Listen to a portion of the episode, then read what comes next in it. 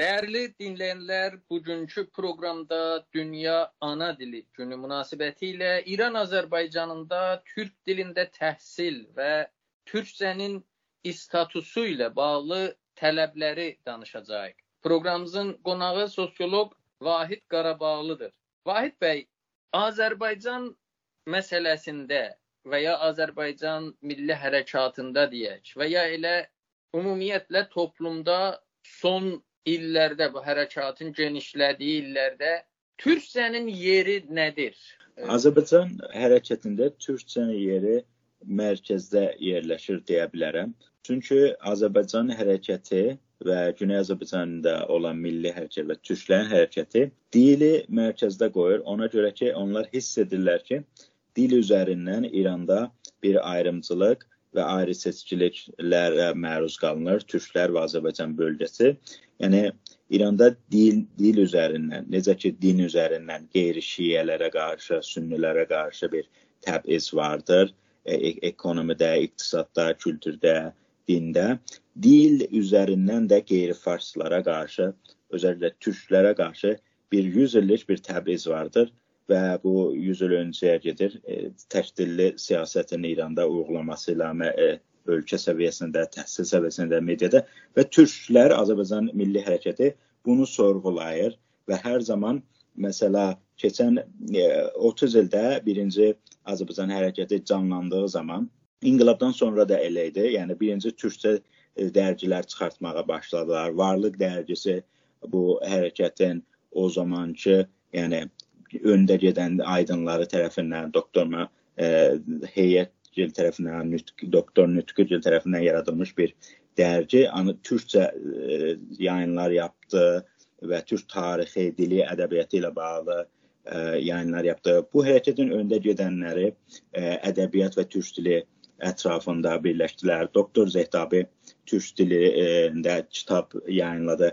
Ona görə də öyrəncilər də sonralar türkcə dərgilər çıxardaraq və türk dilində təhsil, türk dilinin e, İran səviyyəsində rəsmiləşməsini tələb edərək, edərək, məsələn, Xatəmiyə məktub yazdılar Azərbaycan aydınları, fəalları, türk fəalları o zaman da ana dilində təhsil tələb etdilər.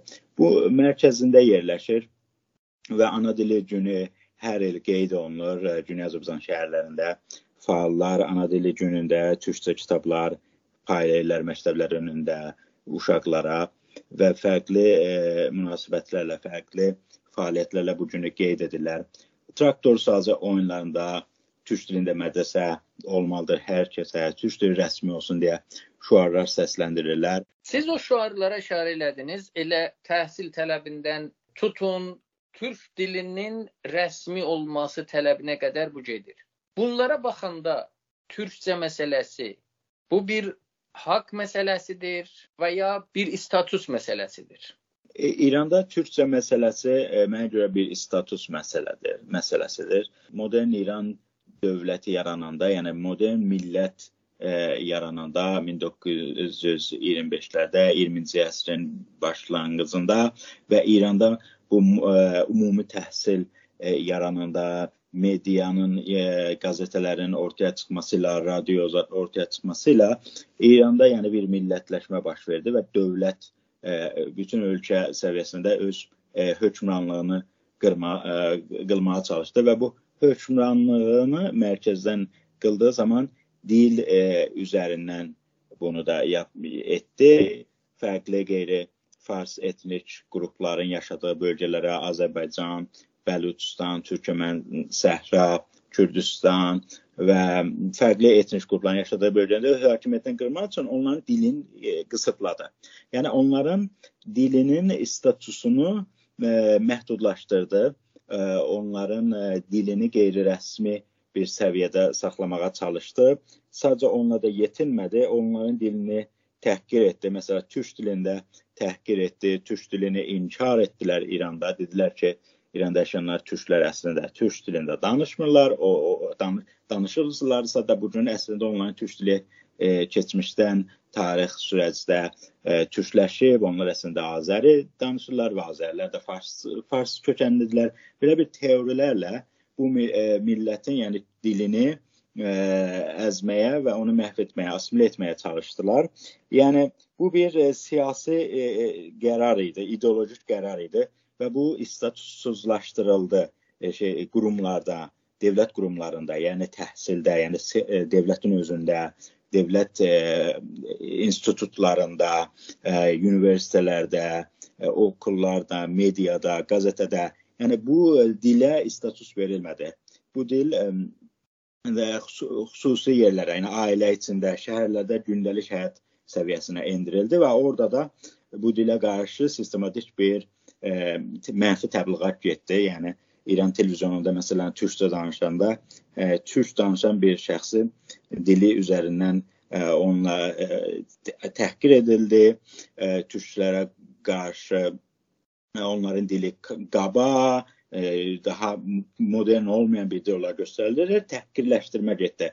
Yəni biz bu e, biz burada biz e, status görürük ki, yəni fars dilinin və fars dillilərin statusunun mərkəzə qoyulması, fars ə, mərkəziyyətin norm olması və o bir dillərin isə qeyri-normallaşması sürəci getdi və bu sadəcə bu dil üzərindən də e, o bir e, yəni təbizlər e, də yəni şey oldu.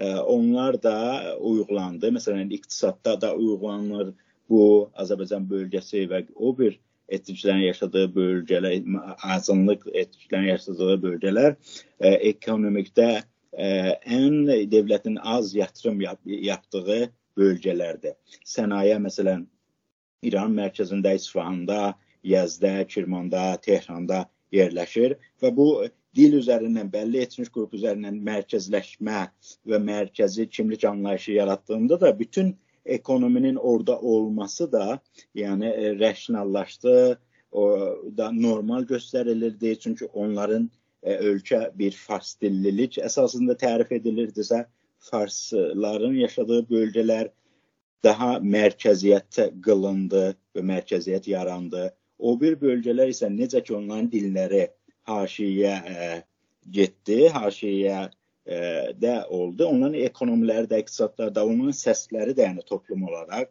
ölkənin ə, ölkənin siyasəti ilə bağlı, ölkədə olan olaylarla bağlı olan səsləri də bastırıldı, önəmsizləşdirildi.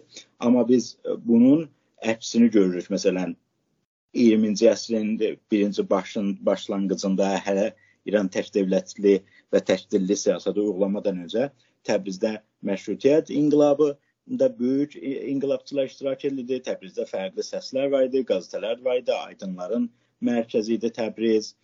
Yəni bu səslər də təşkillilik səsi yarananda boğuldu və ona görə də bu dil üzərindən bəlli iqtisadi, siyasi və biz bunu çevrədə də görə bilirik. Məsələn, Urmiya gölün məsələsində dövlətin ona önəm verməməsində və bunda e, məsələn köç məsələsində görə bilərik. E, buradan iş, işsizlik yaradıldı Azərbaycanda və insanlar Tehrana və faşistlərin yaşadığı bölgələrə işləməyə gedir.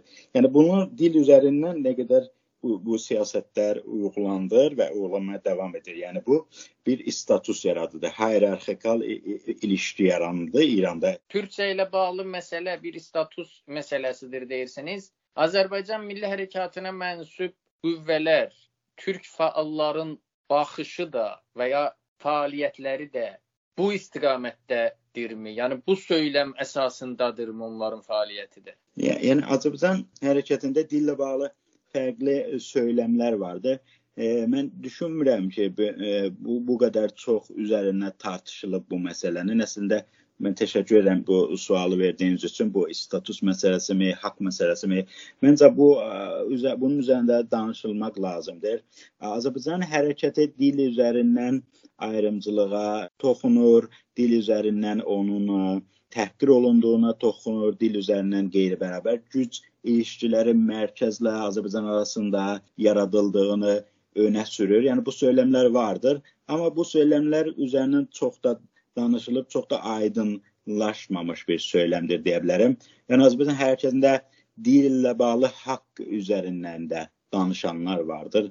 Məsələn, e, onlar düşünürlər ki, ana dilində eğitim bir insan haqqıdır və bütün İranda yaşayan etnik qrupların ana dilində eğitim haqqı olmalıdır və bəziləri e, bu haqqı söyləmini İranda olan anayasada, məsələn 15-ci əsrdə qeyri-fars dillərin də İran o məktəblərində təhsilinin azad olunması, yəni belə bir imkanın ola biləcəyi üzərindən bu haqqı tələb edirlər. Yəni fərqli söyləmlər vardır. Haqq söyləmi də vardır, status söyləmi də vardır ki, mən özüm bu status söyləmini e, daha e, uyğun görürəm bu məsələni anlamaq üçün çünki bunun e, siyasi, ictimai, iqtisadi, tarixi kökləri üzərində məsələn anlamaq üçün daha siyasi E, və status məsələsi olduğunu görürəm. Çünki dil üzərindən fərqli güc ilişkiləri yaradılmış.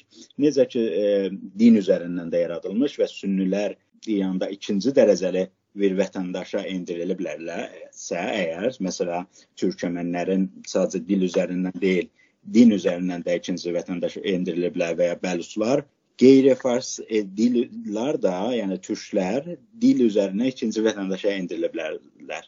Yəni əgər dil üzərinə ikinci vətəndaşa endirilirsə, demək ki, bunların statusları ikinci dərəcəyə gedir. Vahid bəy, bu yaxınlarda sosial şəbəkələrdə bir sənədin surəti paylaşılmışdı. İran Azərbaycanında çapa hazırlanan bir türkcə kitab üçün bu kitaba icazə verən qurum Mədəniyyət və İrşad Nazirliyi bəzi kəlmələrin orada düzəldilməsini tələb etmişdi. Bunların hamısında da yazmışdı, bunlar İstanbul türkçəsidir və Azəri deyil. Buna bənzər başqa nümunələr də var. Buradan hərəkətlə İran hökumətinin bu türkcəyə baxışı necə? Yəni sizin o işarə elədiyiniz status söyləmi ilə bir paralelliyi varmı İran hökumətinin bu məsələyə baxışı? Yəni İran hökumətinin bu İranda türkcənin kontrol edilməsi, türkcənin sınır çizilməsi, İranda danışılan türkcəyə sınır çizilməsi əslində İran hökumətinin bu türkcə statusu açısından baxışının bir göstərisi əlbəttə ki, görə bilərik. Çünki e, İran dövləti yenə türkcəni lokal saxlamaq istəyir. Türkcəni necə ki məktəblərdə o imkan vermir. Necə ki ölkə səviyyəsində onun dirçəlməsinə, istifadə olunmasına imkan verilmir. O türkcənin o qonşu ölkələrdə olan imkanlardan istifadə elə, elənməsi, onlarla bir bağlantı qurub, məsələ oradakı eğitimlə bağlı, oradakı e, nəşr olunan dərgilərin, filmlərin izlənilməsi və bunun bu dilin e, bir-biri ilə ilişkisini də sınırlandırmağa çalışır və bu da e, dediyim kimi türkcəni məhdudlaşdırmaq, türkcəni güclənməsinin qarşısını almaq bir ə, bir açıdan baxılır. Bir də ki, türkcəni e, bir təhdid olaraq görür. E, türkcənin e, Türkiyə türkçəsindən bağlantısı Quzey Azərbaycanda danışılan Azərbaycan türkçəsinə bağlantısının sınırlandırmağa çalışır və bu da İranın yenə ideolojik bu türk dilinə baxışını göstərir ki, bir təhdid olaraq görür.